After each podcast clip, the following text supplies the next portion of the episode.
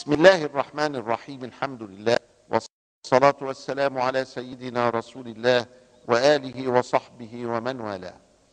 مع أنوار النبي صلى الله عليه وسلم وقد كان نورا على نور.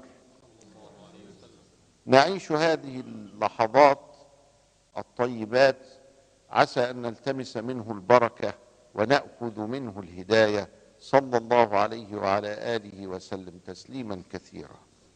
ذهبت بدر بنصرة المسلمين ثم استطاع النبي صلى الله عليه وسلم بتوفيق الله له أن يخرج من كان في قلب المدينة من اليهود هم بنو قينقاع وذهبوا إلى الشام في أذرعات وبقوا بها إلى أن فنوا عن بكرة أبيهم فلا نسل لهم ودخلنا بذلك وقد كان ذلك في أواخر السنة الثالثة الثانية من الهجرة فدخلنا في بدايات السنة الثالثة من الهجرة النبوية الشريفة. رسول الله صلى الله عليه وسلم يرتب أصحابه ويعلمهم ويجعل أسر بدر يعلمون الناس القراءة والكتابة. ويعد الصحابة إعدادا جيدا مبني على التعليم وينشئ في مسجده الحلقات التي يعلم بها الناس من كل فن يعلمهم كل شيء. ورسول الله صلى الله عليه وسلم يرشدنا حينئذ إلى التفرغ والتخصص. يعني يجعل الناس متفرغين لطلب العلم وأنشأ لذلك ما أسماه بالصفة. عريش يستظلون تحته ملحق بالمسجد يجلس فيه طلبة العلم. يعني لما نطوره يبقى المدينة الجامعية. ويجري عليهم الأرزاق. يعني ما يروحوش يشتغلوا يجلسوا للاكل الشرب العلم يجلسوا كده لوحده وبعد ذلك بالسنين انضم إليهم سيدنا أبو هريرة. وتخصص في رواية الحديث النبي صلى الله عليه وسلم يعلم الناس ويقول صلوا كما رأيتموني أصلي. صلوا كما رأيتموني أصلي. فبدأ الصحابة الكرام قولا وفعلا يأخذون عن رسول الله صلى الله عليه وسلم الصلاة. والصلاة كما قال خير موضوع. والصلاة كما قال عماد الدين وذروة سنامه والصلاة كما قال الفرق الذي بيننا وبينهم الصلاة والعهد الذي بيننا وبينهم الصلاة فمن تركها فقد كفر. فأكد جدا على الصلاة وجعلها عمود الأمر. لما نيجي نبني خيمة قوم فيه عمود في الوسط هو اللي الخيمة بتتبني عليه. هو ده العمود ده. لو هذه الخيمة كسرنا هذا العمود سقطت. لم تبقى لو أقمنا هذا العمود اقيمت الخيمة حتى لو كانت مطوية لكنها قائمة. نفردها بعد كده نستعملها. وبقدر ما تطوى بقدر ما تكون مساحتها. أهو الدين كده. بقدر ما هتعمله كلما التزمت به كلما كانت السعه عمود الأمر. وذروة سنامه يعني أعلى حاجة فيه. شهادتين وبعدين إقام الصلاة. فرسول الله صلى الله عليه وسلم في هذه الفترات وإن كانت فيها حروب لأن إحنا هندخل على أحد ما بين بدر وأحد أهو كان يعلم الناس ما كانش ساكت مستني الحرب ولا هو قائم للحرب. الحرب دي جاية له من كل مكان. بدر في المدينة أحد في المدينة الخندق في المدينة سنة خمسة هناك يعني كله قت- قتل في قتال في قتل هم اللي جايين يضربونا وهم اللي جايين يستأصلون إنما مش هو ده الغرض. الغرض هو بناء الإنسان والإنسان لا يكون إلا بالعلم. وأعطانا المفتاح بتاعه. فقال صلوا كما رأيتموني أصلي. وردت أحاديث كثيرة جدا في وصف الصلاة. إذا هي مسألة مهمة. وردت أحاديث تصف صلاة النبي صلى الله عليه وسلم بدقة وفي كل شيء. كيف كان يقوم كيف كان يكبر كيف كان يقرأ الافتتاح أو الاستفتاح كيف كان يقرأ الفاتحة كيف كان يقرأ السورة كيف كانوا يؤمنون خلفه كيف كان يركع كيف كان يسجد كيف كان وهكذا. من التكبير إلى التسليم. ثم كيف كان يفعل بعد ذلك. أحاديث حاول كثير من الناس أن يجمعها وأن يرتبها. منها كتاب تعظيم شأن الصلاة. للمنذري. جمع فيه فأوعى لكنه لم يحط لم لم يستطع أن يجمع كل ما ورد في الصلاة عن حديث رسول الله. إذا الصلاة احتلت المكان العلي وعلمهم رسول الله صلى الله عليه وسلم شأنها. وجلس يعلمهم سنين وهو يعلمهم في شأن الصلاة. الصلاة نزلت أول الوحي. وهناك حديث عفيف رضي الله تعالى عنه وكانت له تجارة مع العباس عم النبي فجاء مكة. فيقول عفيف فلما جئت وجدت شيئا عجبا وجدت رجلا يستقبل البيت يخرج من خبائه من, من الخيمة بتاعته. ثم وجدت صبيا يخرج بعده يق- يقف عن يمينه. ثم وجدت امرأة تخرج من الخباء تقف خلفهما.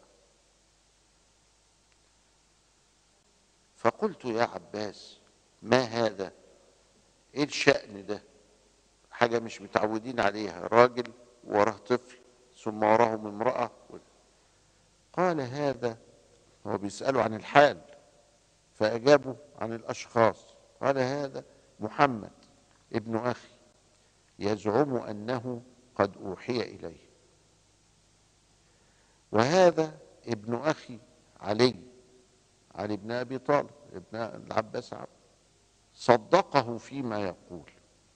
كان سيدنا النبي خد علي عنده عشان يخفف من ال11 عيل اللي عند أبي طالب.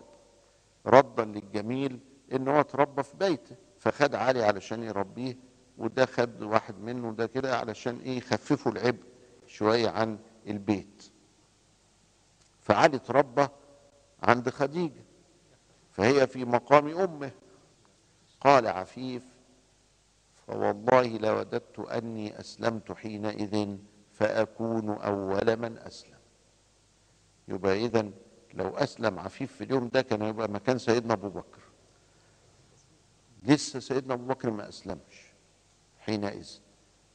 وهذا حديث يدل على عظم قدر الصلاة وأنها قديمة بقدم الوحي وأنها كانت ثم بعد ذلك زيد فيها على ترتيب معين نأخذه بعد هذا الفاصل.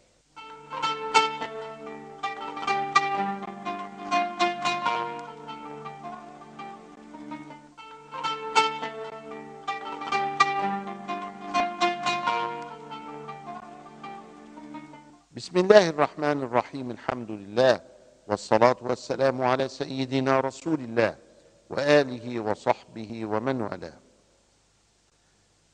كنا تكلمنا عن كتاب عظيم جمعه المروزي وهو تعظيم قدر الصلاة. جمع فيه فأوعى وطبع هذا الكتاب في مجلدين.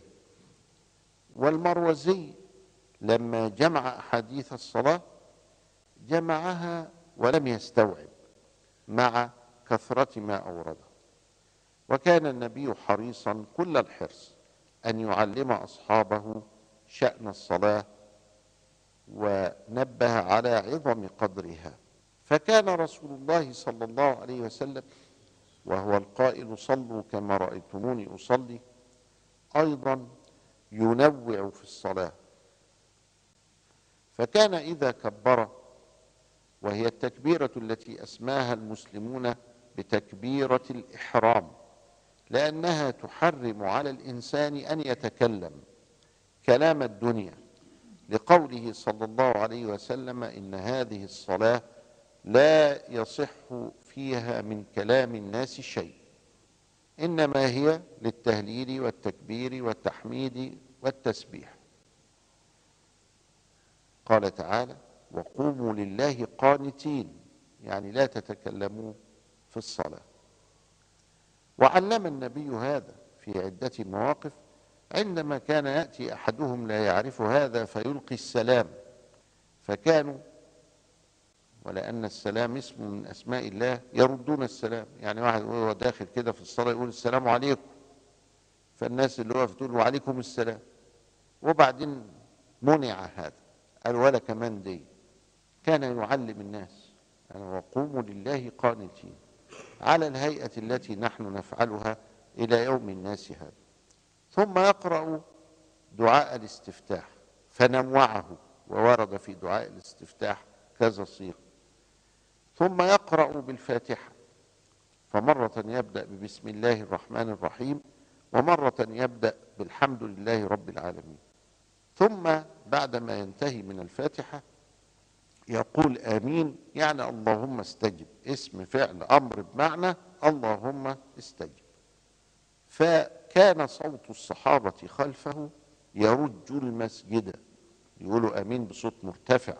وهناك أيضا صور مروية أن الأمين بصوت منخفض. ده ورد وده ورد. وكان وهو قائم يضع يديه الشريفتين اليمنى على اليسر مرة بين ثدييه ومرة تحت صدره ومرة عند سرته وهكذا أنواع مختلفة من هذا الوضع. وكان صلى الله عليه وسلم إذا قام من الركوع فإنه يرسل يديه وفي الحديث حتى تعود كل سلامة إلى موضعها. حتى تعود كل سلامة إلى موضعها. كل عظم يعني السلامة اللي هي العظم إلى موضعها الطبيعي ده. واتفق على ذلك المسلمون شرقا وغربا سلفا وخلفا بكل مذاهبهم أنهم إذا رفعوا من الركوع أرسلوا أيديهم. حتى جاء بعض الناس ففهموا بعض مباحث أصول الفقه فهما خاطئا. وخالفوا سنة رسول الله صلى الله عليه وسلم وهو الذي يقول صلوا كما رأيتموني أصلي فوضعوا أيديهم بعد القيام ركوع تلاقي الشاب كده يقول سامع الله لمن حمده وبعدين إيه؟ يحط إيده مرة تانية بعد الركوع. طب النبي ما عملش كده. ده الإمام النووي في المجموع روى 18 مذهب من مذاهب المسلمين وما جابش الصورة دي. ومحدش جاب الصورة دي هي كده بالشكل ده. كما إن الصلاة نقلت بالتواتر. يعني شفت أبويا بيعمل إيه؟ أبويا شاف جدي. جد بس بالملايين في المساجد وكذا. فجايبينها منين دي؟ فسألناه يا أخينا أنت جايبها منين؟ عايزين نتعلم لحسن يكون إحنا قلنا أحاديث الصلاة كثيرة. لحسن يكون سبحان الله ند مننا حاجة ما شفناهاش ومشايخنا ما شافوهاش وآبائنا ما شافوهاش والعلماء كلهم ما شافوهاش ما شاء الله. فبرضه الواحد يحتاط. انت جايب الكلام ده منين؟ قال ما هو أصل النبي عليه السلام كان يضع يديه اليمنى على اليسرى في الصلاة. يبقى اذا قبل الركوع وبعد الركوع. مش هو قال في الصلاة كده؟ يبقى ده من قبيل العام. والعام هيشمل أفراده. قلنا له آه طيب الغلطة جات لك من هنا يعني. بسيطه نشرحها العام يشمل أفراده فعلا. قاتلوا المشركين. كل مشرك نفر نفر نفر نفر نقتله عام بيشمل أفراده. ده كلام صحيح. بس إيه رأيك انه ده مش عام؟ الغلطة هنا انك انت يا عيني افتكرته انه من قبيل الايه؟ العام. لكن انما هو من قبيل إيه؟ ده من قبيل المطلق مش من قبيل العام. والمطلق يتحقق بفرد من أفراده. شوف الفرق بقى بين العام الذي لا بد فيه من أن يشمل حكمه افراده كلهم وبين المطلق اللي يكفي واحد بس علشان يتحقق بيه. شوف انت ملخبط إزاي؟ طيب اللي قال لكم كده درس الفرق بين العام وال- والمطلق؟ إحنا عندنا العام ما يستغرق ما وضع له بوضع واحد. لفظ يستغرق جميع ما وضع له.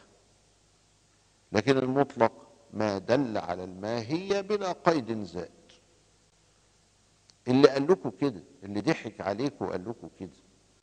إنكم تحطوا إيديكم مخالفين سنة رسول الله. لخبط ما بين العام وبين المطلق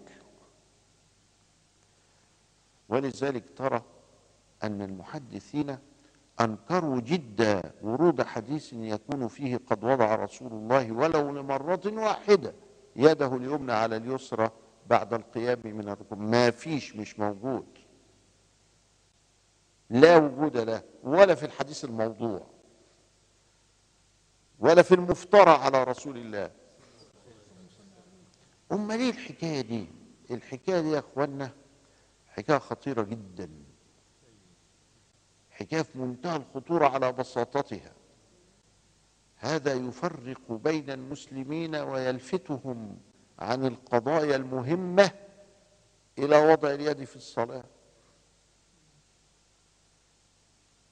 تقول لي ما هو في حاجات كتيرة بنختلف فيها في الصلاة وممشيينها ليه؟ لأنها كلها وردت. كلها عن سيدنا. كلها عن سيدنا. لكن دي بالذات عايزين نسيب الدنيا ونتخانق على نحط إيدينا ولا ما نحطش إيدينا. إذا ما حطيتش إيديك يبقى سمحت بمنهج جديد في الدين يتيح لأن تفعل ما لم يفعله رسول الله صلى الله عليه وسلم من غير سلف صالح لك مخك يعني. استعمل مخك كده اهو. وإذا اعترضت تبقى اعترضت على شيء بسيط هيئة من الهيئات. واعتراضك على هيئة من الهيئات يشغل بالك عن المهم والأهم. الله هو اللي عمل الحاجات دي قاصد المصيبة دي. أنا مش مصدق. ولذلك فإذا رفعتم من الركوع لا تضعوا أيديكم هكذا فإنها بدعة بل وبدعة منكرة لأنها تخفي وراءها ما تخفي. إلى لقاء آخر أستودعكم الله والسلام عليكم ورحمة الله وبركاته.